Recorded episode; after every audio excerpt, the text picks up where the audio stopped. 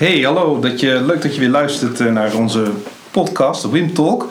Het is uh, voor ons uh, januari, het nieuwe jaar. Beetje Blue Monday gevoel, uh, Wim, of niet? Ja, we gaan onderweg naar, naar Blue Monday, hè? Ja, oh, dat nog, niet. Nee, ik geloof ergens derde maandag van januari of okay. zo. Als je lekker al een beetje in januari bezig Kijk, nu zitten we nog een klein beetje in de restanten van de kerstvakantie. Ja. Jij en wel. wij wel. nou, maar ja, je ziet als je, als je fietst, zie je, zie je de lichtjes nog hier en daar. Ja. En ja. Ja. wij hebben gisteren hebben we de kerstbomen opgeruimd. Nou, we hebben hem nog staan zelfs, ja. Nou ja, maar dan zitten we nog een beetje in de restanten van het feestgevoel. Ja. De top 2000 echoot nog wat na. En uh, ja, dan, uh, ja, de, de, ik geloof wat een vakantiegevoel, uh, dan hou je vijf dagen vast of zo. Oh. Dus het is bijna gebeurd. Ja. Dus het wordt steeds bluer en bluer en bluer. Ja. ja. Nou, het past wel een beetje bij het hoofdstuk wat we gaan behandelen van Richard Rohr. we zijn bezig met het Christusmysterie. We zijn ondertussen bij hoofdstuk 13. En hoofdstuk 13 heet Je kunt het niet alleen dragen. En dat gaat toch wel weer over iets wat, ja, iets wat meer pastorale hoofdstuk. En niet meer over de theologie van het vorige hoofdstuk. Maar meer over, uh, nou ja, eigenlijk een beetje wel Blue Monday gevoel vond ik. Ja, ja, ja jij begon daarmee. Ik ben het helemaal met je eens. Dat is echt Blue Monday. Ja. Nou ja, er is ook genoeg uh, Blue Monday uh, om, om, om dat te vullen, dat gevoel natuurlijk. Hè? Kijk, uh, Roar begint met dat hij niet meer nationaal kijkt. Hè, omdat hij het niet meer kan aanzien. De, de, de, hij zegt vrouwen en kinderen die voor hun leven rennen. Baby's die in Afrika sterven. Hè, ja, er is genoeg. We, we, de ene crisis stapelt zich boven de andere crisis. Uh, en dan, uh, dus ja, genoeg voor, voor Blue Monday. Ja, hij is natuurlijk Amerikaan, dus hij begint ook over zijn eigen land en de politiek. Uh, ja, misschien wel een beetje profetische blik.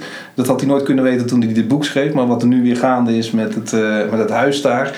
Dat ze dat maar niet voor elkaar krijgen om te stemmen. Ja, hij is gewoon voor de zesde keer is het nu niet gelukt. En, uh, ja, de elfde keer al. Oh, de elfde keer al. Ja. Dan loop ik alweer een paar keer achter. Ja. Maar uh, dit, het laatste wat ik las is dat, hij, uh, dat het hem alleen maar weer vasthoudender maakt. Want dan moet hij nog meer mensen zien te overtuigen. Ja. He, dus het, ja, het is. Het we hebben het over de nieuwe voorzitter hè, die gekozen moet worden. Ja, de nieuwe voorzitter. Ik ben zijn naam even kwijt. Dus die man die heeft een enorm draagvlak. Dat, dat blijkt wel. Dat je elf keer wordt afgewezen. Ja. Maar Roor die is daar nogal fel op. Hè, over de manier waarop politiek wordt bedreven in zijn eigen land in Amerika. Dat, uh, daar wordt hij niet vrolijk van. En uh, hij zegt, uh, het leven is eigenlijk, dat gevoel kan je dan al heel erg bekomen, van het leven is niet eerlijk. En er komt een soort droefheid, een soort sadness, zoals hij dat zo mooi in het Amerikaans zegt. Um, the Great Sadness noemt hij het op een gegeven moment zelfs in het begin van zijn, dit hoofdstuk. En dan bedoelt hij eigenlijk wel wat meer dan een soort Blue Monday gevoel. Hij gaat wel echt naar het, het diepere lijden. ja. Wat, ja. Wat je natuurlijk nu ook tegenkomt als je kijkt naar. Ja, ergens, ergens zegt hij, dat vond ik, wel, vond ik wel een mooie. Dat hij zegt van ja, je hebt afzonderlijke dingen waar je je druk over maakt of die, die, waar je gewoon op vastloopt. Nou ja, journaal of relaties, weet ik het wat. Er kunnen allerlei dingen zijn. Hij zegt, maar uiteindelijk ging het bij hem zo. Het stapelde zich als het ware op, bij, elkaar op. Je zou bijna kunnen zeggen, ja, hij komt... Hij, hij, hij, hij zegt dan, hij komt daar in de eenzaamheid van, van mijn retreat. Hij trok zich een beetje terug. Belandde ik in een diepe wanhoop. En een aantal dagen zag ik nergens enige betekenis in. Ik wilde het schip van de mensheid verlaten. Dus dat ging wel heel diep. Ja. Ja, dat is echt een enorme Blue Monday, maar dan niet zozeer in januari. Maar meer, ja, je kunt soms. Ja, de ene is daar denk ik gevoeliger voor de ander ja. dan de ander, maar ja, totaal de betekenis even kwijt zijn. En denken van ja, wat doe ik hier eigenlijk op deze planeet? Ja, hij voorstelt dat eigenlijk iedereen een, zo'n groot en verborgen leed met zich meedraagt. Zelfs als ze zich daar helemaal niet bewust van zijn. Is dat iets wat je, wat je herkent? Uh, ja, ik, ik denk het wel. Ik denk, uh, kijk, weet je, de, ik zat uh, gisteren nog te luisteren naar een soort oudejaarsspeech van Dirk de Wachter. Hè, die, die, die, dat? dat? is een, een, een Vlaamse psychiater. Echt een beetje een, een publieksman, zeg maar. Die, die spreekt nogal veel uit over allerlei zaken. Oh. Maar die zal het zeker met, met Roar eens zijn. Hè, we hebben natuurlijk een soort opgepoetste werkelijkheid gecreëerd waarin uh, uh, ja, het leuk moet zijn en gezellig moet zijn en we lol moeten hebben. Eh, maar ja, de werkelijkheid zit zo niet altijd in elkaar. Ik bedoel, hij, uh, de, Dirk de Wachter noemt dat de lastigheden van het leven. Prachtig Vlaams vind ik dat, de lastigheden. Het, het, gaat niet in een, goed in je relatie, of je hebt even wat problemen met je ouders, of het gaat niet zo lekker in je werk. Of, dus, en als je met mensen gaat praten, dan merk je, iedereen heeft, heeft wel dingen waar hij mee rondloopt. Ja, mijn oma zei vroeger, elk huisje heeft zijn kruisje. Nou ja, dat is, dat is natuurlijk wel waar. Ja. alleen, we komen daar niet zoveel meer achter, omdat we niet zoveel met elkaar praten omdat we eh, vrij geïsoleerd leven. Dirk de Wachter zegt eigenlijk: we hebben een taboe gecreëerd op eh, de lastigheden van het leven. Ja. Met andere woorden, ja, we praten gewoon over leuke dingen en over de, de serie die je hebt gekeken. Of over, nou ja, we maken veel plezier met elkaar. Maar we hebben een soort op, opgepoetste versie van onszelf creëren we op de multimedia kanalen. En, en, en ja, het wordt een beetje plat wat dat betreft. Ja, en dat maakt ons eenzamer. Ja. Ik moest ook even denken aan dit stukje wat, wat jij net voorlas over Roor. Over dat terugtrekken en dat leed wat hij voelde. Ik denk dat uh, heel veel van onze jeugd, en dat blijkt ook wel uit onderzoeken, daar ook meer en meer last van heeft. He, dat, dat je op vroege leeftijd al een beetje een burn-out gevoel, of misschien wel echt heel erg een burn-out krijgt.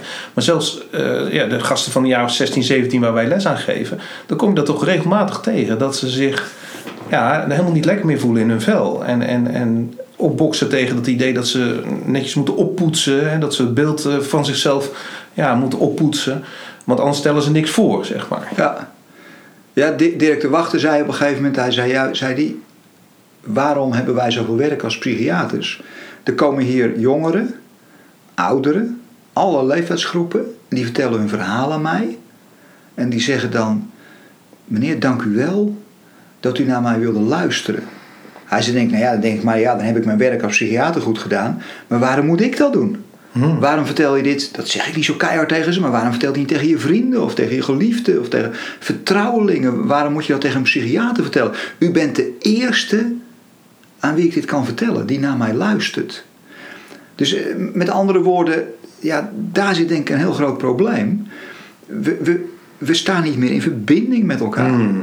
Het, eh, en en, en dat, daar hebben jongeren misschien nog wel extra last van, omdat ze natuurlijk uh, veelal digitaal, met een digitale bril naar, naar, naar, naar de wereld kijken. Ja, er zit een soort lens, uh, er zit een soort lens op. Ja. ja. maar dat is, ja, dat is echt wel immens.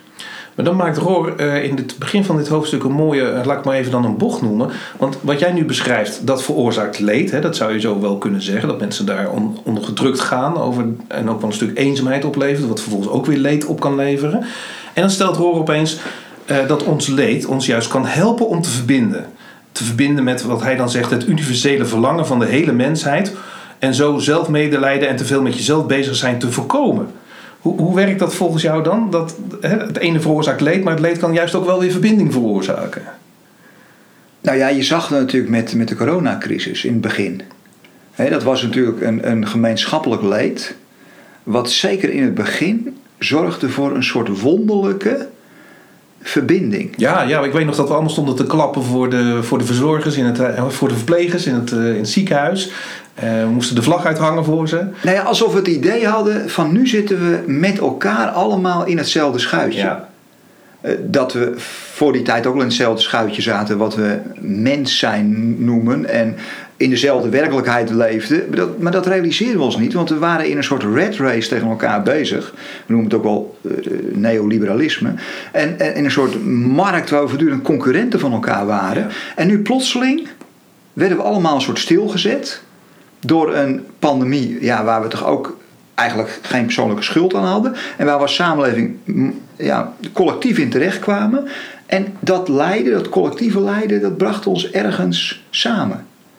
Eh, nu hoor ik mensen er bijna, soms bijna weemoedig over praten. Over die goede oude coronatijd. Ja, ik chargeer een beetje. Van toen we plotseling die, dat, dat, dat idee hadden. We gaan nu een, een nieuw soort samenleving creëren. En niet meer een samenleving van de dikke ikken. Ja. Maar een samenleving van samen, van gezamenlijk nieuwe idealen. We gaan samen dat klimaat redden, we gaan die ecosystemen redden. We, we gaan minder consumeren. eh, Een, eh, we- we're building a new society, hoe je het ook wil zetten, zeggen. Ja, precies. We zetten gel- geld niet meer op één, maar geluk op één. En Eh, het is ja. bizar, we zijn er nog nauwelijks uit. Of de hele red race is weer volop bezig. Ieder weer voor zich. Ieder voor zich weer. Ja. En alle tegenstellingen komen weer terug. En het gaat weer om, nou ja, weer om ons individueel belang. Ja. Ik weet, als we even, even terug naar Roel gaan. Hij zegt, eh, de, de- mijn vriend William Paul Jong noemde dat verdriet van hem het grote verdriet. Dat Paul lijden van hem. schrijver, hè? Ja, van eh, de, de hut. De hut. Ja. De shack. Eh, het grote verdriet. Het voelt alsof er nooit een einde aan komt. Het is niet gericht op iets afzonderlijks, maar meer een soort, ja, een soort Blue Monday gevoel. Het is allemaal een beetje te veel Een brok verdriet, zeg maar. Een brok verdriet. En, en hij zegt dan, eh, Roar noemt dat, het ene verdriet van God. Hmm. Hij zegt, als, je dat, als dat verdriet nou zo universeel is en als iedereen bij tijd aan wijlen dat overkomt en, en dat meevoelt. Eh, Paulus die, die, die, die noemt dat, ik, ik moest denken aan Romeinen 8, eh, het, het lijden van de tegenwoordige tijd. Daar zie je dat eigenlijk ook in. Hmm. De- deze, deze, deze wereld lijdt en we hebben deel aan dat lijden van die wereld. Maar dat lijden van de wereld is eigenlijk het lijden van Christus. Van de Christus. Omdat het, het het lijden van de realiteit is, zeg maar. En de realiteit is Christus, hè. Zo zijn we natuurlijk ook in de boek al heel Alles is eh, in hem, door hem en tot hem. Dus Ja. we zijn verborgen in Christus. Dus met andere woorden, hij zegt dat het is eigenlijk het ene verdriet van God. Hmm. En ja, als je dat zo gaat zien, zegt Roor, ja, dan hoef je het ook niet meer alleen te dragen. Nee, dat is een gedeelde het, is, beleving het eigenlijk. is een gedeelde beleving. Het is een beetje een soort begin van een coronacrisisgevoel. Ja, dat. Het is een gedeelde beleving. En dan, ja, dan kun je kunt dat lijden ook. Dat is ook een, be- een beetje de boodschap van Roor, maar ook van Dirk de Wachter. Je kunt dat lijden ook niet individueel dragen, want dan maakt die werkelijkheid van het lijden maakt jou kapot. Het vernietigt je, zegt Roor zelfs. Eh, dus je moet het ook samen dragen. En als je het gaat zien als het ene verdriet van God, ja, dan zitten we met elkaar in hetzelfde schuitje. Ja. Eh, wat mij net even opviel is dat ene zinnetje wat je tussenvoegde, dat over schuld. Dat we er ook met elkaar het idee hadden, hè, we zijn er niet schuldig aan, dat virus is gewoon gekomen. Dat is, en, en, en dat het, dat ook wel, dat lijkt wel een beetje de angel. Op het moment dat we ons dat realiseerden, dat we allemaal in hetzelfde schuitje zaten en dat we niemand konden aanwijzen van hè, dat is zijn fout of, of, of haar fout dat, dat het ons makkelijker maakt om het ook met elkaar te verbinden. Zodra er wel een duidelijke schuldige aan te wijzen is, krijg je juist veel meer die, die red race. Van nou, daar moeten we mee dealen, hè, daar moeten we mee afrekenen zelfs. Dus dat schuldgevoel is daar blijkbaar een, belangrijke component in. En ik vond dat Roor daar ook ehm, eh, goed op inging. Want hij zegt op een gegeven moment... ehm, nou ja, hoe, hoe maakt het lijden, hoe werkt dat, dat lijden dan? Hoe maakt het lijden je dan meer in staat om met elkaar te verbinden? Dat gaat over dat je het je zachter maakt in je oordeel over een ander. En je meer compassie oplevert. Dus dat heeft voor mij heel erg met dat eh, idee van wie is de schuldige te maken. Hoe, hoe werkt het volgens jou, dat, eh, dat leed en dat verzachten? Ja, dat is een goeie. De- de- hij, ik, ik citeer hem even. Ja. Als we ons eigen kleine lijden dragen in solidariteit met het ene universele verlangen van de hele mensheid. Dat is volgens mij wat Paulus zegt in Romeinen 8, het lijden van de tegenwoordige tijd. Waar we allemaal deel aan hebben. Of je nou gelooft of niet gelooft, of wat je dan ook precies gelooft, want iedereen gelooft natuurlijk wel wat. Eh, we hebben er allemaal deel aan, dus we zitten al in hetzelfde schuitje. En we zijn er ook niet schuldig aan in die zin. Mhm. Want ja, het, het overkomt je ook. Ja, Eh, dan worden we bewaard voor zelfmedelijden of egocentrisme. Want we weten dat we hier allemaal mee te maken hebben en dat het voor alle anderen net zo moeilijk is. ja. Nou, en daar zit het denk ik in. Dus iedereen krijgt min of meer een tik van de molen mee. Ja. De tik van de molen die we de werkelijkheid noemen. Eh, Allemaal worden daardoor beschadigd. alle, ja, iedereen wordt daar op de een of andere manier door geraakt. Ja. En, en, en maar bij de een zul je dat duidelijker zien dan bij de ander. De, de een heeft wat meer mazzel gehad dan de ander in allerlei omstandigheden. En, en als je dat gaat zien, zegt Roor, en ja, ik vind het wel herkenbaar hoor. Als je dat gaat zien, ja, dan is het ook moeilijker om vreed te zijn naar iemand. Of eh, om iemand anders te gaan afrekenen op bepaald gedrag. Ja. Hè, want ja, je gaat meer zien waar soms dat gedrag vandaan komt. Eh, de pijn die erachter zit, de, de, de, ja, de tik die die ander heeft meegekregen van de werkelijkheid. Ja. En, en dan wordt het, dat verzacht toch op de een of andere manier, dat gezamenlijke lijden verzacht. Ja.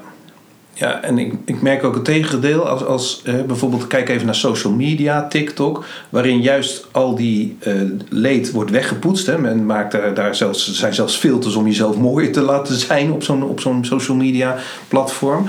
Ehm, op het moment dat je dat dus wegpoetst, dan worden de oordelen juist harder over elkaar. Want alles wat er dan een beetje niet lijkt te kloppen, daar wordt, ja, daar wordt er overheen gewalst. En dan krijg je allerlei bagger eh, over je heen Ja. op, op Twitter en op eh, social media. Nou ja, je merkt op social media, vind ik, een, een andere manier van één zijn.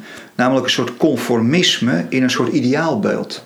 Dus eigenlijk zie je daar een soort conformisme in het ideaalbeeld. Wat ons met elkaar ongelooflijk eenzaam maakt. Want we weten allemaal dat het gewoon fake is. Ja, dat is Maar, je, maar, maar niemand kan zeggen dat de keizer geen kleren aan heeft. Ja. Want zodra je dat zegt, ja, dan, dan word je afgemaakt.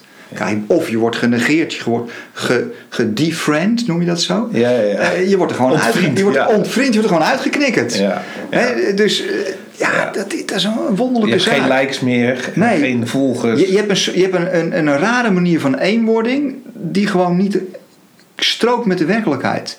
Je creëert een soort eh, fake universum. Ja, en, en, Waarin je dus alleen maar fake kunt zijn. Want anders pas je er niet in. ja, en als er doorheen geprikt wordt, hè, dan komt er iemand in, groot in het nieuws van... oh, dat is dus blijkbaar helemaal niet zo'n fantastisch iemand. En dan, wordt, en dan lijkt het wel alsof mensen er ook plezier in hebben... om te zeggen van ja, zie je wel, het is, hè, het is ook gewoon nou niet een normaal mens... maar het is dan nog erger. Ja. het is, eh, er wordt, ja, mensen hebben er een soort, ik zou bijna zeggen, satanisch genoegen in... om iemand dan helemaal af te branden. Ja. Nou, ik denk wel eens, we creëren met elkaar. We hebben heel veel behoefte aan goden. Heel veel behoefte aan helden. Eh, misschien is dat, zit dat mythische denken zo heel diep in ons verankerd. We zijn nooit de, de fase ontgroeid dat we eh, spannende verhalen, fantasy. En, maar ja, we hebben die goden doodgemaakt. We hebben, we, we hebben, we hebben dat hele religieuze hebben we, hebben we uitgebannen. Want we zijn nu rationele wezens geworden. Maar we creëren wel goden. En dat noemen we nu BN'ers. Dat zijn een soort moderne goden. Alleen, de nieuwe CEO's als Elon ja, Musk de, de nieuwe eh, CEO's, ja. dat, dat zijn onze goden. Ja. Of eh, de, de, topvoetballers, eh, de Messi's van deze wereld. Ja. Dat zijn een soort goden. Kijk naar de begrafenis van Pelle. Hè? Ja, maar die goden kunnen nooit voldoen, want het zijn namelijk mensen. Hmm. En ja, vroeg of laat, als je dichter in de buurt komt, dan falen ze. Ik weet, ik kan eh, heel leuk, eh, ergens rondom de kerst eh, zaten we aan een van de vele maaltijden. En toen, toen zei op een gegeven moment Sophie, die zei... Sophie is de vriendin van Timon, mijn, een van mijn zoons. Die zei, joh, het is toch wel wonderlijk. Hij zei, het lijkt wel een epidemie. Al die BN'ers, die gaan vreemd. En die krijgen weer een nieuwe relatie. En allemaal, zei ze. Het is bizar. Als je op TikTok kijkt en zo, die en die site. allemaal. Ja, maar de druk op goden, die mensen zijn, is zo immens. Je zal jezelf maar een god voelen. Ja. En denken, ja, maar ik kan alles. Het, het lijken meer de goden van de Olympus. Eh, De Griekse goden, nou ja, je moet maar eens wat erover lezen. Over die Griekse godenverhalen van Olympus. Zeus, eh, las ik pas geleden, heeft 28 relaties gehad. Bij 28 verschillende vrouwen. En zijn vrouw werd weer heel jaloers, Hera. Nou ja, die goden die konden alles maken. Ja. Nou, dat zie je ook een beetje bij de moderne goden. Die vallen om's de beurt van allerlei verleidingen. Hoe kwamen we hier eigenlijk op? Nou ja, ik denk vanuit die kernzin die, die Roor net ook zei: van lijden maakt ons meer één dan comfort en entertainment. Hè? Daar Ja. hebben we het eigenlijk over. We zitten naar dat comfort en entertainment te zoeken, maar dat verbindt ons helemaal niet.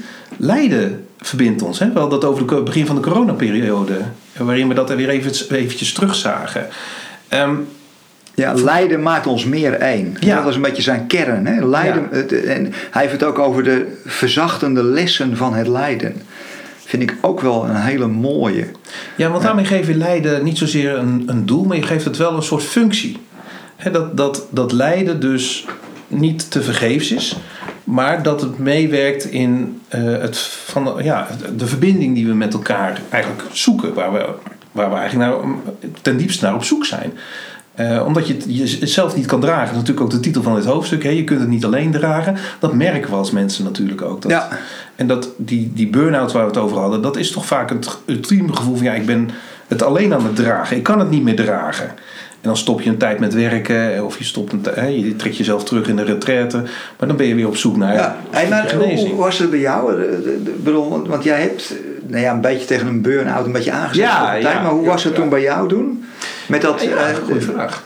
met alleen en samen, heeft dat bij jou een rol gespeeld? Nou, ik weet, ik, inderdaad, toen ik dit hoofdstuk zat te lezen, moet ik er even aan denken. Eh, wat mij opvalt, is dat ik zo aan terugdenk, dat ik niet één ding kan aanwijzen waardoor ik eh, van het padje raakte. Dus dat, dat brok verdriet, waar we het net over hadden, wat eigenlijk heel algemeen, zo, dat was het ook. Ja. Ik wist niet waar het vandaan kwam, maar ik voelde me heel verdrietig. Ik kon de hele dag janken.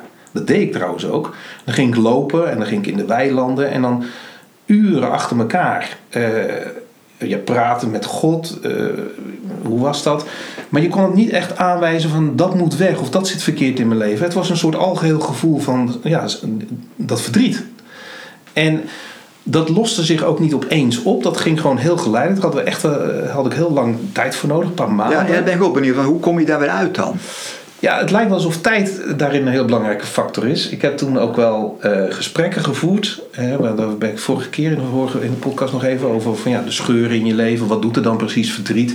Uiteindelijk word je dan geholpen om dat wel iets te benoemen. Dat dat natuurlijk te maken heeft met dat je eigenlijk een beetje boos bent op jezelf. Of dat je jezelf tegen bent gevallen. En, en dat je dat eigenlijk weg wilde poetsen heel lang. Maar je kan het maar beter omarmen dat je gewoon zo in elkaar zit. En die scheuren waar we het over hadden.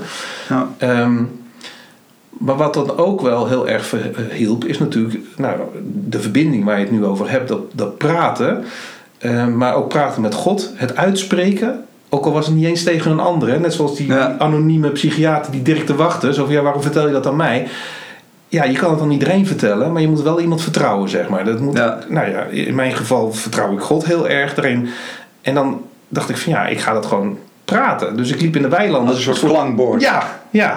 En ik liep hard op te praten. Nou zie je dat tegenwoordig wel meer. Dat mensen met een oortje in de telefoon. Dus het is Ja. niet meer zo raar. Als iemand, hè, vroeger dacht je van nou die is gek. Als die je, hard loopt een praten. je had een ander soort oortje. Ja, precies. Maar het, en, en tijd. Het, het is dus heel belangrijk dat je... eh, Nou ja, ik, ik las daar ook iets over, eh, over de hersenontwikkeling. Dat het dus echt zo is dat in je hersenen... daar zitten die uitlopers van die neuronen die zich met elkaar verbinden. Dat die, dus, die uitlopers die worden korter als je zoveel stress hebt. Dus het loopt ook gewoon in je hoofd niet meer zo lekker. En blijkbaar heeft dat tijd nodig om die uitlopers weer een beetje te laten groeien en aan elkaar te verbinden, letterlijk. Hè? Dus het gaat echt over letterlijke verbinding van neuronen in je hoofd. ja. Zodat het weer wat soepeler loopt, zeg maar. En, en heeft het je veranderd? Ja, Ben andere mensen door geworden? ja. Ja, dat zeg ik wel heel gelijk dan druk, maar dat is wel zo. Ehm, ik denk ook, nou ja, na die tijd ben ik gaan kijken van wat is echt voor mij van waarde. Maar ik vond mezelf ook waardevoller. En toen op een gegeven moment dacht ik van ja, maar eh, wa- waar zet ik die waarde voor in? Eh, ben ik tot de conclusie gekomen van ja, het is, niet mijn doel om eh, zoveel mogelijk geld voor mijn aandeelhouder te verdienen. Ik zat toen in het management van de uitgeverij, ehm, van bureau ICE. En toen dacht ik, ja, maar waar ben ik dan mee bezig? Ik- wat, wat, wil ik nou, wat vind ik nou echt van belang? En toen heb ik dus heel bewust weer gekozen om in het onderwijs te gaan werken. En te zeggen van, nou ja, er is een, er is een tekort aan wiskundedocenten. Jij had toen ook eh, gezegd van, op onze school komt er een eh, functie vrij. Ehm, maar dat was eigenlijk ook, dat is dan de praktische uitwerking. Maar wat daaronder zit, is dat je inderdaad die zachtheid. Die, dat je denkt van ja, en voorbij geldt dat dan ten opzichte van, eh, van jongeren. Ik heb natuurlijk, we hebben zelf, jij hebt ook vier kinderen, ik ook. Ehm, daar begint het dan mee, dat je denkt van ja, een soort mildheid. Hoe kan ik die verder helpen? Ehm, hoe laat ik ze aan het idee wennen dat je scheuren oploopt? Nou, dat hebben ze ondertussen al best wat van gemerkt. En zo ben ik eigenlijk naar het onderwijs gaan kijken. Dat ik dacht van ja, als ik dat kan, eh, als ik met die blik kan kijken naar jongeren, zeg maar even van ze houden, om het hè, zo maar te zeggen. Ik denk dat dat heel waardevol kan zijn. En dat, je, dat dat ook voor mij de kern is van. Ik geef toevallig vak wiskunde, omdat ik dat Ja. een leuk vak vind. Maar dit is de kern die er voor mij bij Kun je zit. ook niks aan doen. Nee, fijn, dankjewel. nee, maar dat, die, Ja. die zachtheid, dus. ehm, Nou, wat ik wel mooi vind is dat jij dan een soort sh- shift hebt gemaakt. eh, Die merk ik bij Roor ook een beetje. Van dat puur van het individualistische. Ja. Gaan voor carrière, zo hoog mogelijk op de top bereiken. Management en misschien nog wel hoger in het management. Mhm. En, en naar, naar je inzetten voor een soort collectief goed. ja, Hè?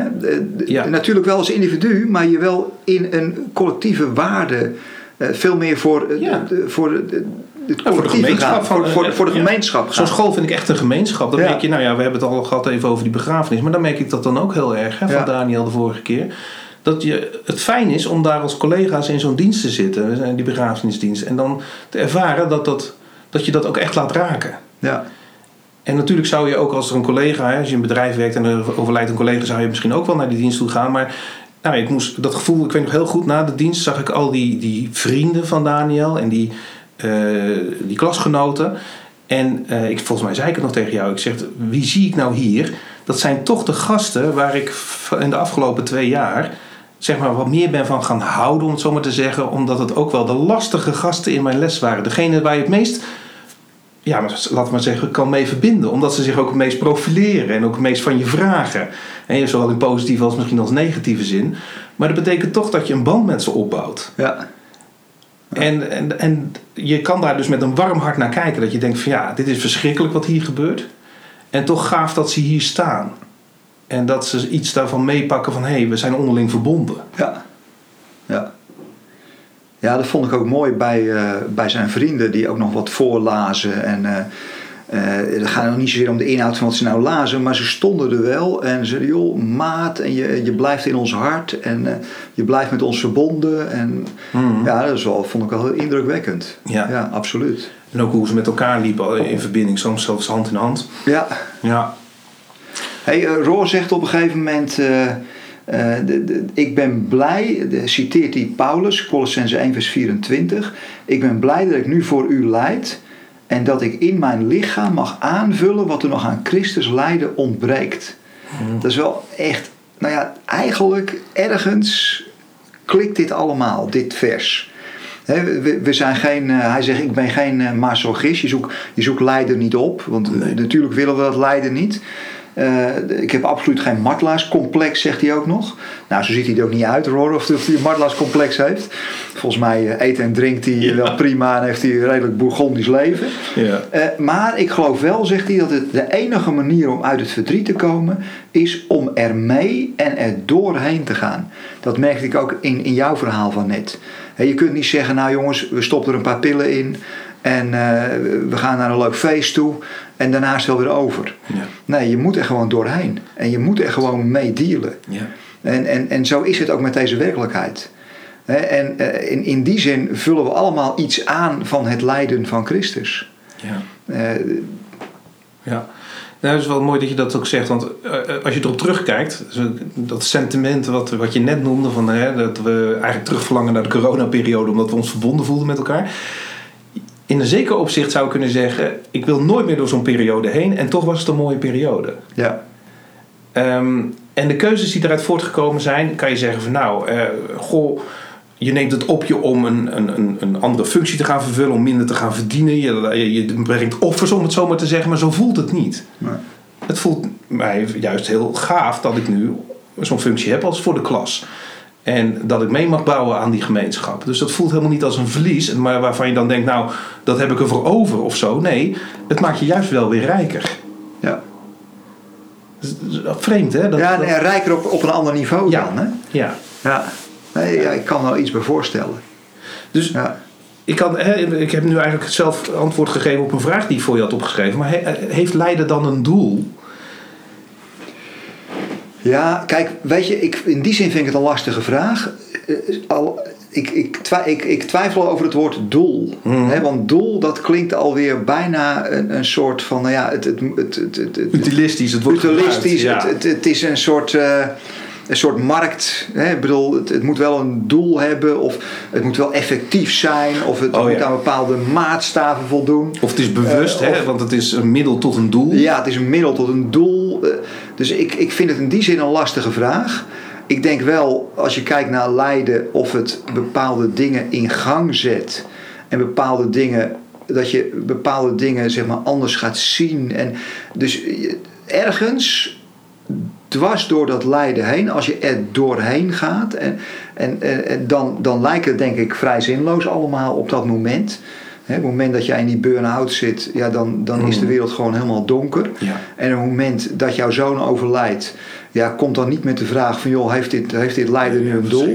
ja. Het, alles is gewoon pikken donker. En, en ik weet niet of het licht nog aangaat. De, Hmm. de, de, de- daar hoop ik. En, en, en daar vertrouw ik op.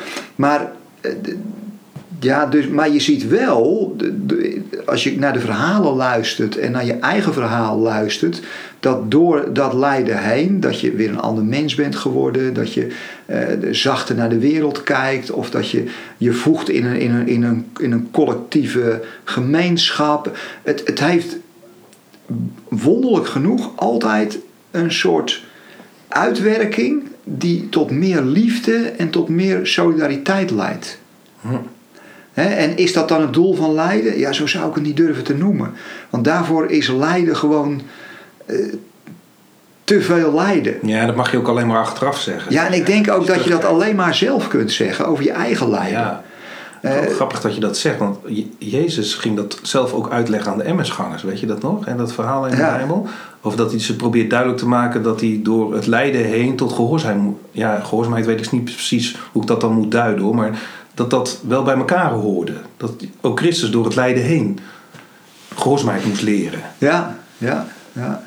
Ja, dat staat ergens in Hebreeën ook, hè? Dat, dat Jezus door lijden heen gehoorzaamheid leerde.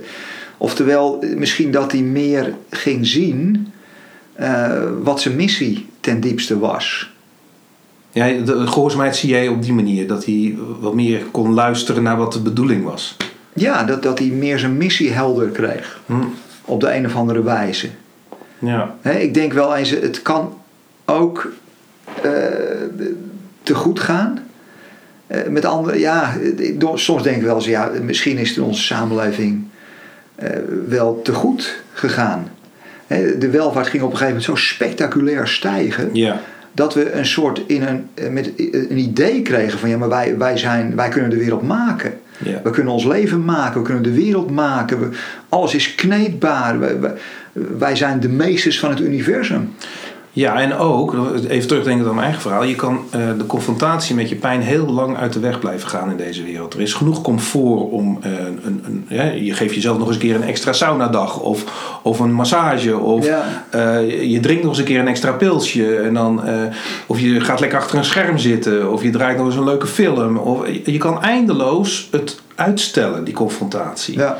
Totdat je lichaam op een gegeven moment zegt van ik kan het niet meer. Nee, het stopt. Maar je geest kan je heel lang nog ja, misleiden, bij wijze van spreken. hoor. En de verleidingen van allerlei entertainment en comfort eh, bieden.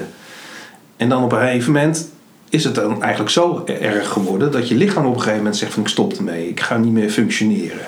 En je, krijgt, eh, je kan niet meer nadenken, je kan je niet meer concentreren, je krijgt hoofdpijn. eh, je moet opeens zomaar huilen. eh, terwijl je eigenlijk nog niet bewust bent van wat er aan de hand is. En wat zonde, als je nou toch dat woord een keer gebruikt, wat zonde dat we, dat het, dat we het zover laten komen. Ja.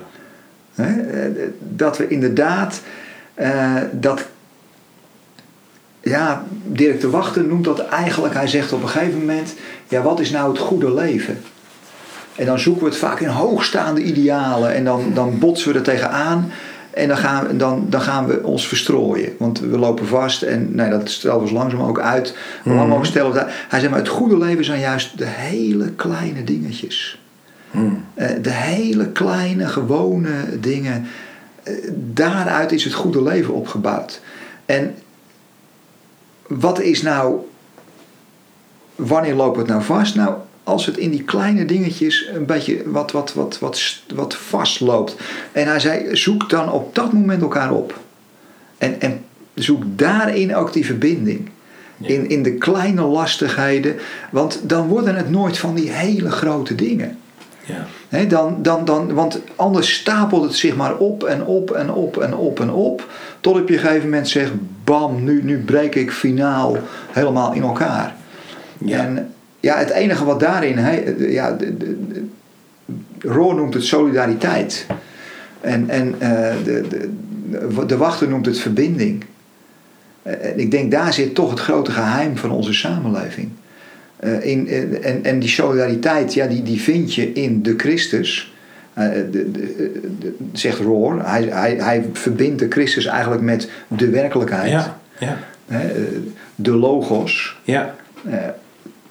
En, en de, de wachter doet dat wat, wat, wat meer seculier.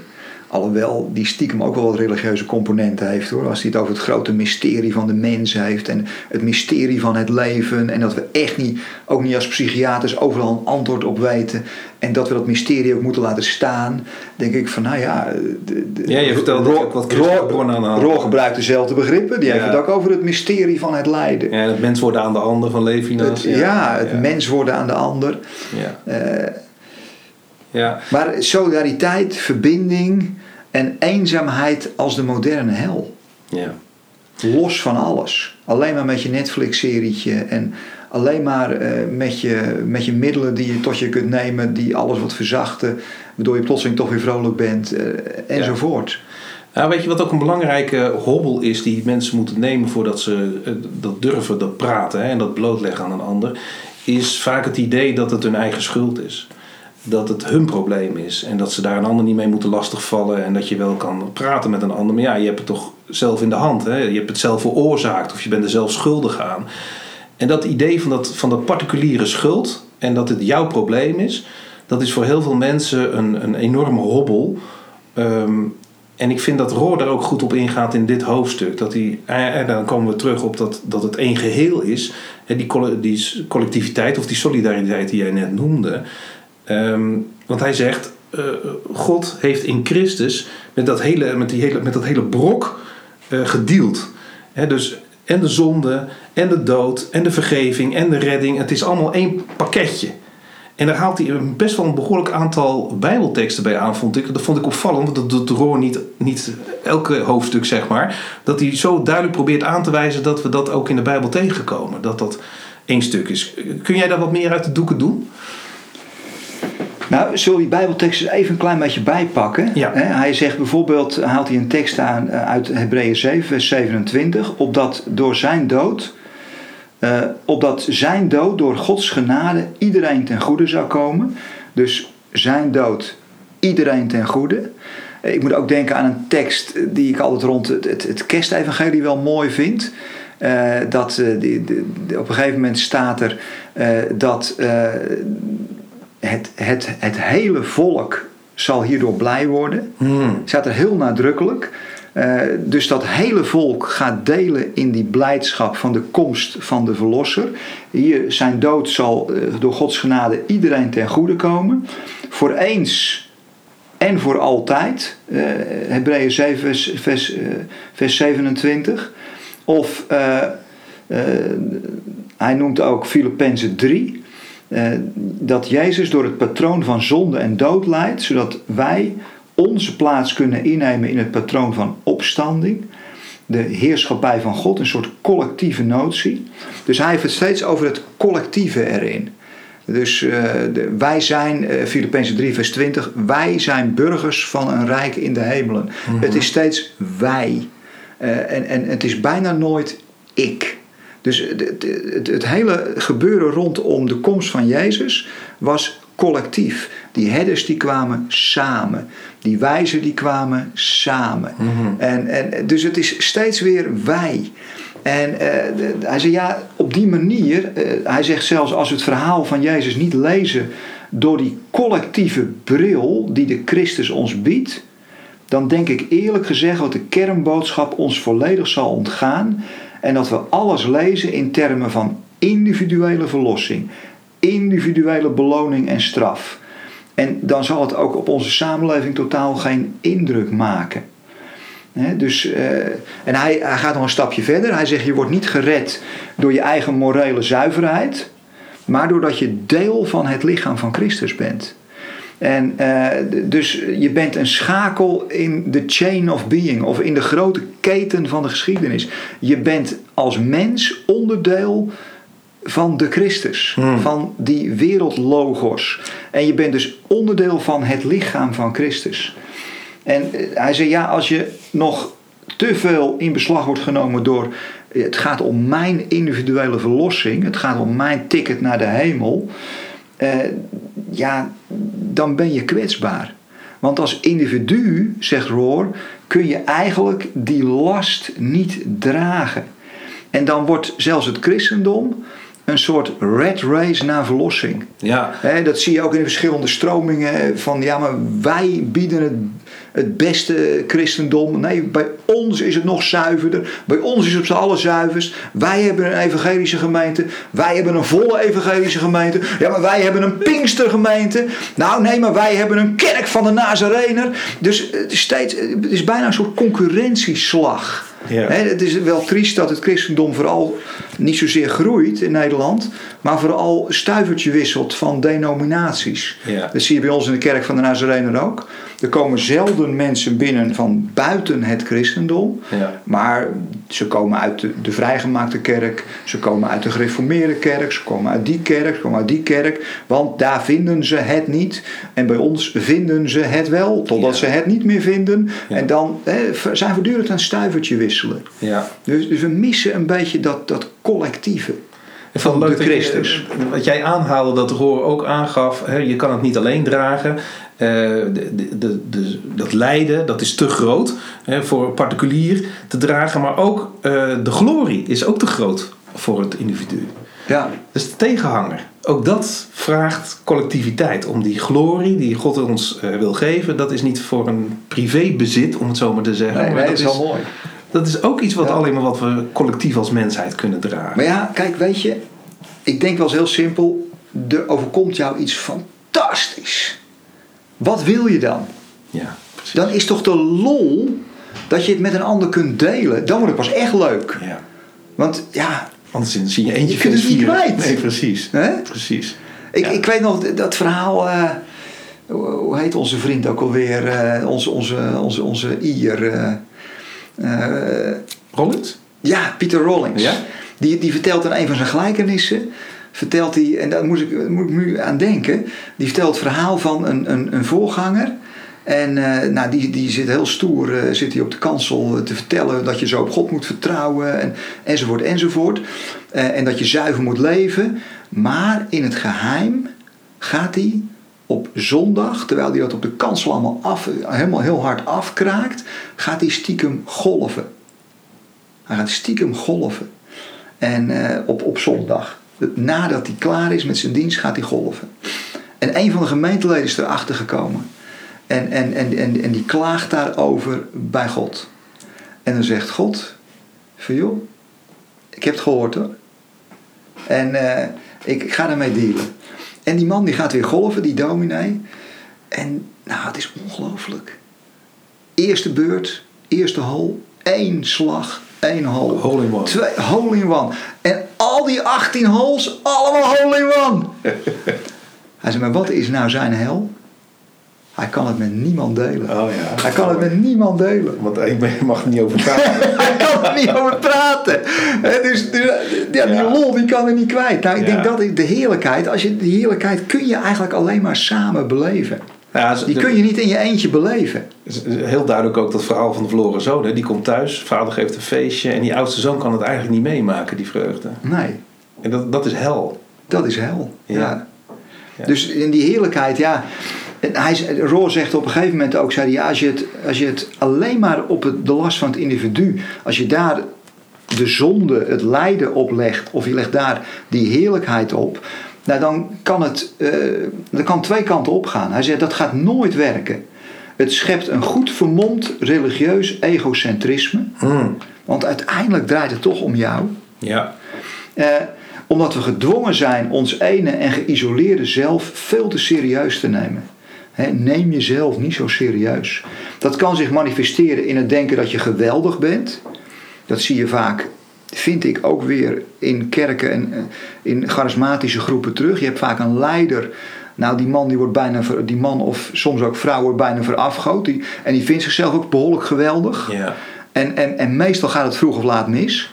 Op de een of andere manier. ja, dan lopen wij twintig jaar achter Het is op of seks, hè, of drank, of Ja. drugs, of, eh, of geld, of weet ik het Je allemaal zag niet. het al eh, twintig jaar geleden met die televisiedominees Ja. in Amerika. Dat hebben wij nu af en toe een beetje. Ja. Of het kan ook leiden eh, in het denken dat je jezelf compleet waardeloos voelt. Maar Roll zegt, eigenlijk zijn het allebei egotrips. Ja. Want allebei ben je volledig individueel bezig. ja. En hij zegt, joh, laat het nou los en ga het collectief zien. We zijn, Jezus zegt op een gegeven moment, wat is zijn verlangen? Wat, wat bidt hij in het zogenaamde hoge priestelijk gebed, hè, Johannes 17. Vader, ik bid u dat zij alle één zijn, zoals wij één zijn. Dus het gaat veel meer om het collectieve één zijn. En dan kun je het lijden samen delen. Als je je eens waardeloos voelt, deel het met elkaar. Hé, hey, voel jij ook zo waardeloos? Ja, ik had het gisteren ook. Nou, en dan voel je al minder waardeloos. Eh, want je loopt zelf tegen, de, tegen dezelfde dingen aan. ja. En, en, en die heerlijkheid kun je ook samen delen. Dan wordt, wordt het leven een stuk interessanter. Heb jij ehm, eh, vanuit de Bijbel, hè, even, want we waren net bij een paar Bijbelteksten uit het Nieuwe Testament bezig. Heb jij nou ook aanleiding om te zeggen: God heeft het ook zo van, vanaf het begin af aan bedoeld, dat collectief? Hè? Hè, ik denk dan aan het verbond wat hij sluit en dat dat. En met Abraham, daar heb je het ook wel eens over gehad, dat dat niet alleen maar particulier iets, iets is voor Abraham, maar dat hij daarmee iets anders op het oog heeft, namelijk het geheel. Nou ja, sowieso in het hele Oude Testament, eh, het Eerste Testament, staat dat verbond natuurlijk heel erg centraal. En een, een, een, een verbondsliefde ook van God. God heeft het volk lief.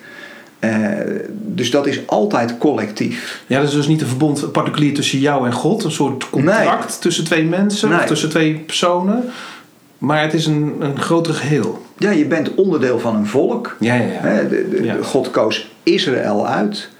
Eh, waarom? Omdat hij van ze hield. Eh, maar ook weer om tot zegen te zijn voor de andere volkeren. Ook daar wordt weer gesproken over stammen, over volkeren. Dus het is bijna altijd, eh, het Bijbels taalgebruik, ook, ook in het Oude Testament, is bijna altijd collectief. En de individuen die worden weer opgeroepen om juist het collectief te dienen en het collectief te ondersteunen. Dus eh, de- waarom koos God Abraham uit? Nou, om via Abraham tot zegen te zijn voor de volkeren, Voor alle volkeren. voor alle volkeren. Dus als het gaat om individuen, dan worden die ingezet als het ware om het collectief te ondersteunen of lief te hebben of eh, op te roepen tot verandering of, of noem maar op. Waarbij Jezus eigenlijk het ultieme voorbeeld is van die ene uitverkorene om de rest Ja. eigenlijk alle binnen te halen. Ja, maar goed, zelfs Jezus, die zegt op een gegeven moment: Ja, maar wacht even, ik ben de eersteling, Mhm. ik ben de broeder onder de broeders.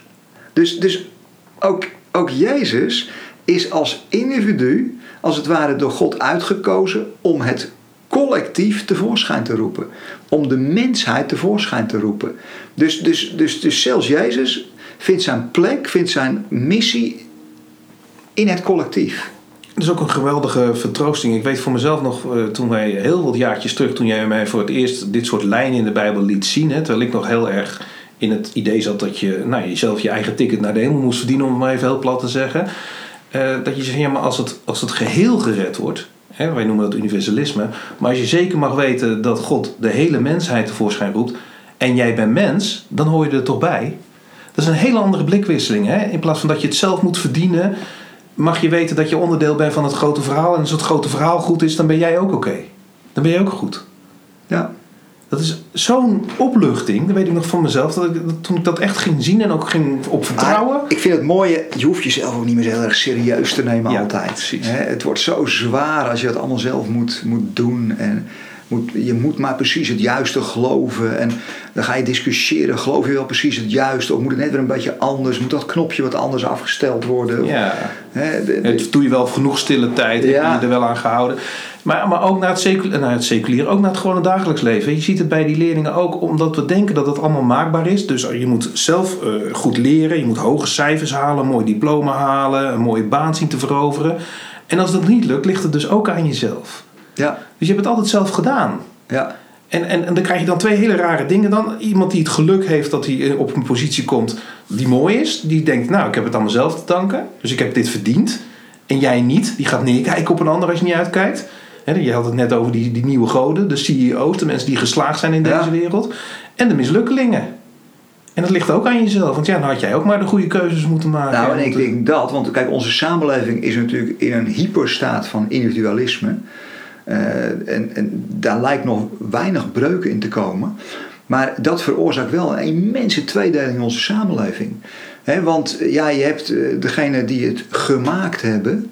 eh, dat heeft vaak met, met opleidingsniveau te maken, met hoeveel je verdient en wat voor positie. En je hebt een steeds grotere groep die het niet gemaakt heeft. Waar je dus op neer mag kijken. het zogenaamde klootjesvolk, Ja. want die hebben het ook aan zichzelf te wijten. Ja. En, en dat leidt tot een enorme, steeds diepere kloof in onze samenleving. Ik geloof dat eh, pas geleden eh, zag ik een lezing van een Amerikaanse econoom, eh, econoom. En die zei: Dit kan wel tot een nieuw, een nieuw soort populistische revolutie gaan leiden, zelfs. Eh, een soort Omdat die mensen het niet meer pikken. die, die mensen gaan het steeds minder pikken. Ja. Dat, is, dat waren natuurlijk over het algemeen de aanhangers van Trump. Eh, Trump, eh, die, ja, dat waren de verliezers. Ja. En de verliezers kozen voor Trump. Waarom? Omdat hij dit op deze manier ging benoemen. Dus je kunt veel van Trump zeggen, en dat zullen we ook vooral blijven doen.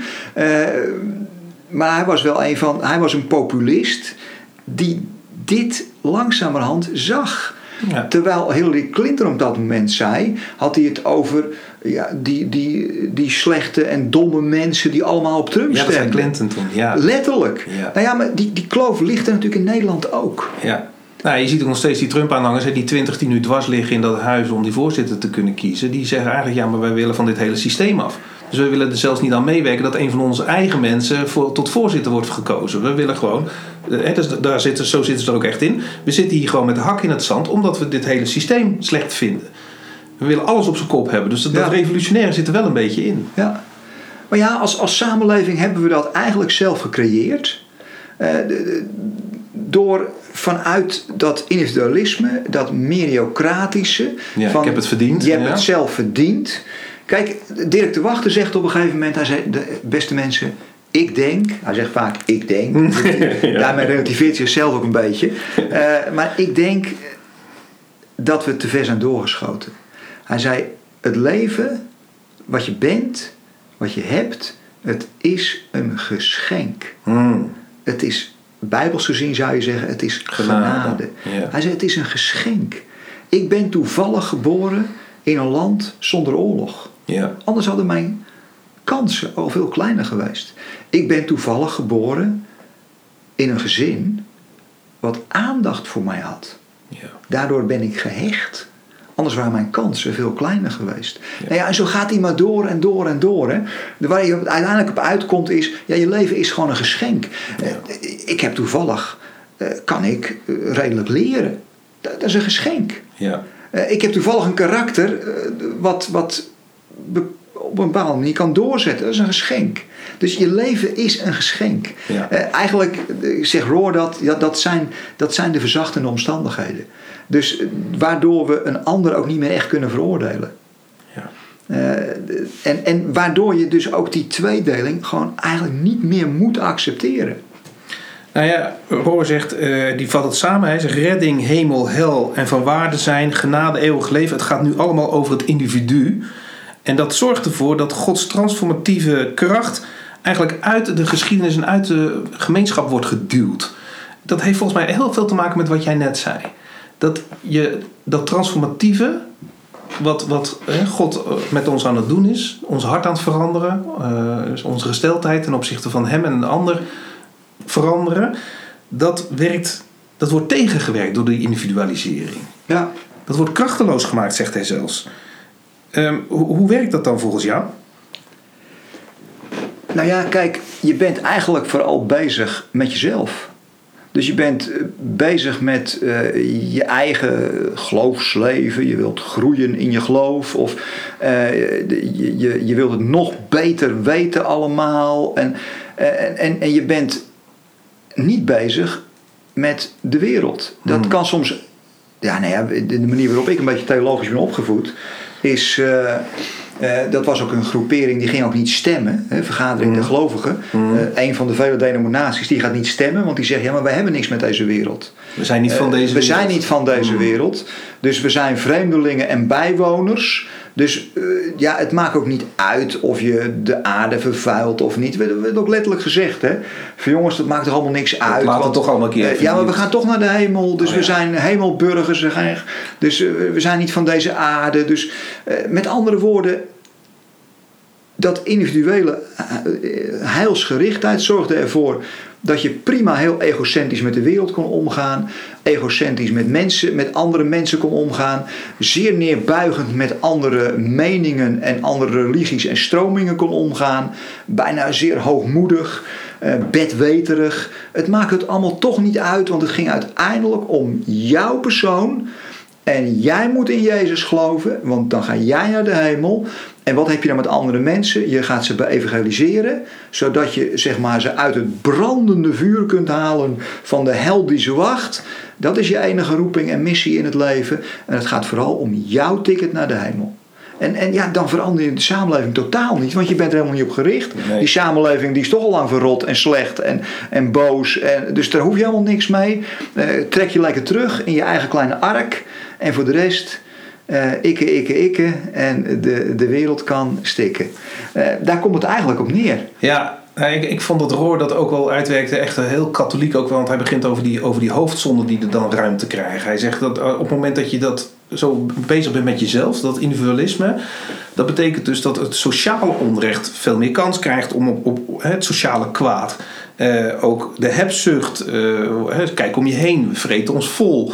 Eh, dat soort misstanden krijgen dan ook veel meer ruimte, omdat jij bezig bent met jezelf. Ja. En met je eigen redding en je eigen kwaad. Ehm, en zelfs in de kerk zie je dat er dan ambitie, macht, dat we dat zelfs ook weer gaan verheerlijken. Dat, hè, jij noemde net over die personen die dan het gemaakt hebben, dat we die weer als een soort goden gaan vereren. Daar komt dan weer meer ruimte voor, omdat je die solidariteit mist en je bezig bent met jezelf. Ja, en je richt je ook, als je al op anderen richt, richt je alleen op je eigen kleine clubje. Hmm. Hè, dus het, het is, het is eh, je eigen clubje eerst dan. Ja. Hè, dus je, dus, ja, je hebt weinig zicht op, op een grote geheel, want er is geen grote geheel. Nee. Er is alleen het eigen, eigen kleine clubje en, en de rest is een soort restafval van God. Ja.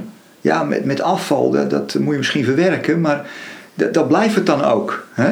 Ja. Nee, de, de, de Roor zegt op een gegeven moment. eh, eh, de- laat ik hem even citeren, want hij zegt zulke mooie dingen aan het eind.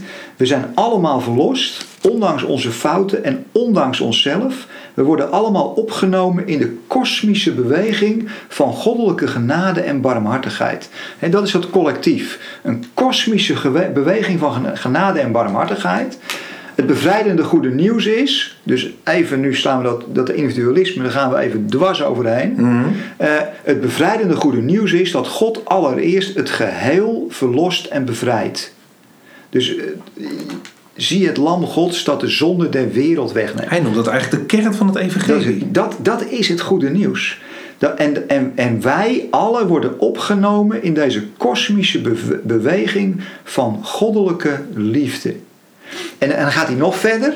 Hij zegt: wat is nou eigenlijk onze enige taak is? Onze enige taak is om deze werkelijkheid te vertrouwen. Totdat God alles in allen is. Dus de werkelijkheid is. We worden opgenomen in die totale liefde van God, die kosmische beweging van liefde, waarin Jezus natuurlijk een sleutelrol vervult. Die kosmische beweging van liefde, die als het ware over deze werkelijkheid heen dendert. Eh, over het, eh, misschien is dat wat Paulus bedoelt met het lijden van de tegenwoordige tijd gaat niet, eh, kan niet opwegen tegen die heerlijkheid, die kosmische liefde die er als het ware als een soort dans overheen gaat. En wat is nou onze taak? Om ja, dat te vertrouwen, om daarin als het ware in te stappen.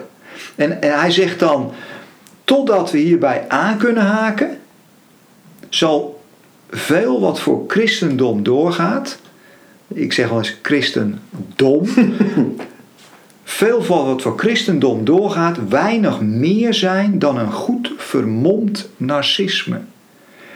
Ja, ja ik, ik, ik zal niet al te veel praktische voorbeelden gaan noemen, dat is misschien ook weer pijnlijk.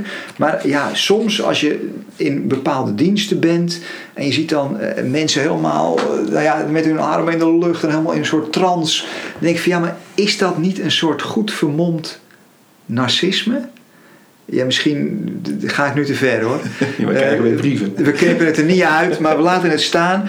Maar daar gaat dan. En, en zelfzuchtige politiek. En je ziet natuurlijk wel vaak bij mensen die zich sterk identificeren als christen, vaak zijn ze racistischer. Nou ja, hij, noemt, hij komt natuurlijk uit de Amerikaanse Ja, samenleving. ja. Eh, de hardcore evangelische beweging eh, Ja. is behoorlijk racistisch daar. Je ziet ze nog bij borden staan: God hate facts. Klassistischer, seksistischer dan niet-christenen. Eh, anderen mogen de last en de pijn van onrecht dragen, maar mijn groep niet, lijkt ze te zeggen. Ja, dat is, dat is wel pijnlijk. Dat is pijnlijk voor een. eh, Dus, dus zegt eigenlijk van ja, maar als je niet zeg maar je laat meenemen in die grote beweging van goddelijke liefde en barmhartigheid. eh, als je niet zeg maar meegaat in die beweging van God, alles in allen. Ja, en meegaat, jij zegt dat je daarop durft te gaan vertrouwen, Dat dat je- dat, ook gelooft. Ja, dat dat eigenlijk is waar je, na, waar je naartoe leeft. Ja, Met z'n allen. Want Ja. dan kun je ook niemand missen namelijk. nee. Eh, ja, tot die tijd eh, ja, ben, je, ben je geneigd om een soort evangelische narcist te zijn.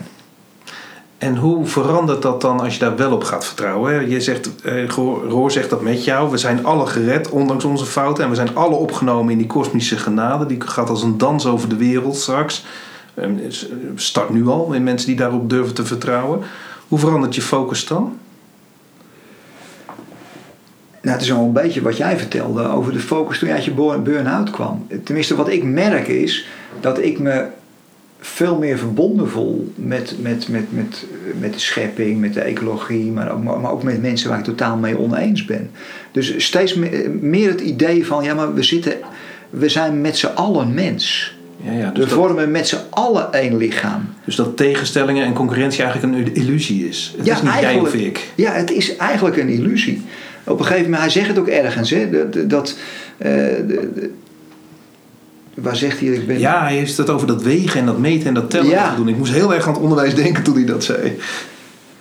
Nou ja, dus je, je komt er eigenlijk, we zijn geen concurrenten van elkaar. We zijn met elkaar zijn we een collectieve mensheid.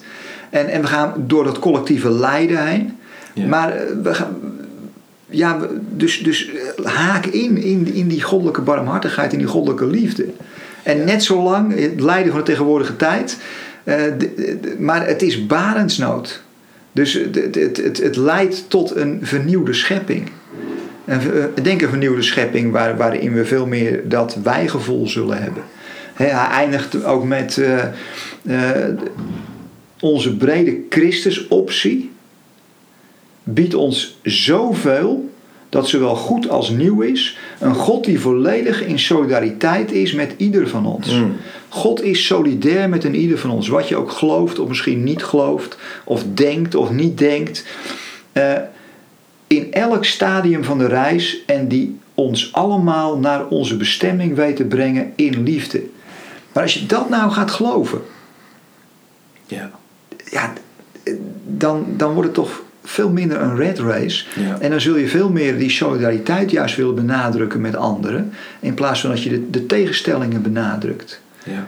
Eh, Ja, ik vind het heel mooi. Hij, hij, hij, nou ja, eigenlijk zegt hij dus, als je, wat wij dan universalisme noemen, als je dat niet als basis hebt van je geloof. Ik heb heel lang gedacht dat universalisme een soort kers op de taart is. He, van nou, je, je gelooft al in God en, en je gaat eh, naar de kerk en je weet wie je heiland is.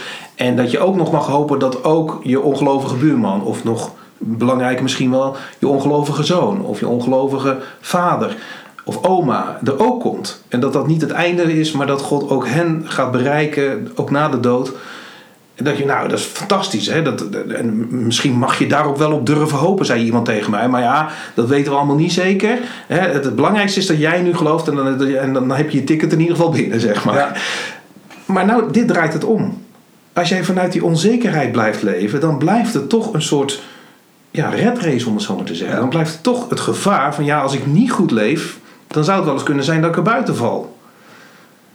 Dus dan blijf je in die onzekerheid zitten. En dat is een verleiding om, om dat narcistische gedrag te gaan vertonen. Vanuit die onzekerheid gaan we gekke dingen doen. Nou ja, je zegt helemaal. Ik denk dat het is. Het is, het is de basis van uh, waarop je... Het is de grond waarop je staat. Ja, wat die, is dan de grond? Die, die, die totale goddelijke liefde, die, dat universalisme... waarin je weet dat iedereen uh, wordt meegenomen in die goddelijke beweging... van, van liefde en van vergeving en, en, en van barmhartigheid. Ja. He, dat, dat is de basis waaruit je leeft. Dat is de basis waarop je ook kijkt. Dat is de bril waaruit je kijkt. He, ik moest denken... Uh, als het gaat om de basis. Ik moet denken aan een gesprek wat ik jaren geleden is met Evert van der Pol had. Wie is dat? Uh, uh, Evert van der Pol is een, uh, nou ja, in, in, in, in evangelisch Nederland toen de tijd een bekende figuur. Hmm. Dat is ook weer even geleden hoor. hij heeft verschillende boeken geschreven. En Evert van der Pol die zit nu ergens in Frankrijk. Daar leidt hij een, een kleine kerk daar. En wij hadden een gesprek, was ook met de NEM verbonden. Hmm. En we hadden een gesprek over universalisme. En toen zei hij tegen mij, zei, Wim, weet je wat ik nou het grote gevaar vind van universalisme? Ja. Hij zei, stel je nou eens voor dat ik dit ga vertellen aan mijn gemeenteleden. Stel je eens voor. Hij zei, wat gaat er dan gebeuren? Denk oh ja, dan is het hek van de dam zeker. Dan is het hek van de dam. Dus, dus hij zei, zelfs als we dat particulier misschien geloven, ja. is het heel gevaarlijk om dat zomaar te gaan vertellen. Dus hij raadde mij ook aan om dat niet zomaar te gaan vertellen. Hij zei, daar ga je brokken mee maken. Ja. Nou, ik ben er in ieder geval een hoop lezingen en spreekbeurten mee kwijtgeraakt. Dus dat waren een soort brokstukken. Ja. Maar in ieder geval, ja, want daar kunnen mensen helemaal niet aan.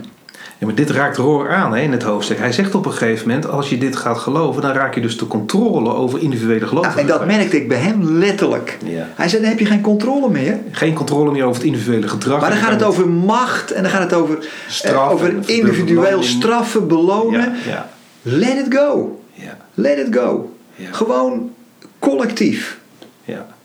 Ja, Roor noemt ook die signalen als je daar nog steeds mee bezig bent. Hij, zegt, hij noemt een rijtje op. Als je bezig bent met wegen, als je bezig bent met meten, tellen, ranglijsten, labelen, onderling vergelijken, dan zit je daar nog in, in dat individualisme. Uh, je moet naar leren te leven en te sterven in en met God. Ja. En daarop te vertrouwen. Die totale solidariteit die God met ons heeft. Het prachtig. Ik... Zijn, zijn, zijn laatste zin, dat is Ja. wel, leuk. Het draait niet langer om gelijk hebben. Ja, Nou, dat vind ik best wel lastig. hoor. Ja. Ik heb wel graag gelijk op zich. precies. Ik denk ook dat we hier best wel weer We zijn gelijk in alweer hebben. bezig. Het draait niet langer om gelijk hebben, het draait om verbonden zijn. Ja. In de juiste relatie leven is zoveel belangrijker dan het hebben van de juiste leer. Verbondenheid, eh, dat is toch een sleutelwoord. Ik hoop, eh, luisteraar, dat je je verbonden voelt met ons.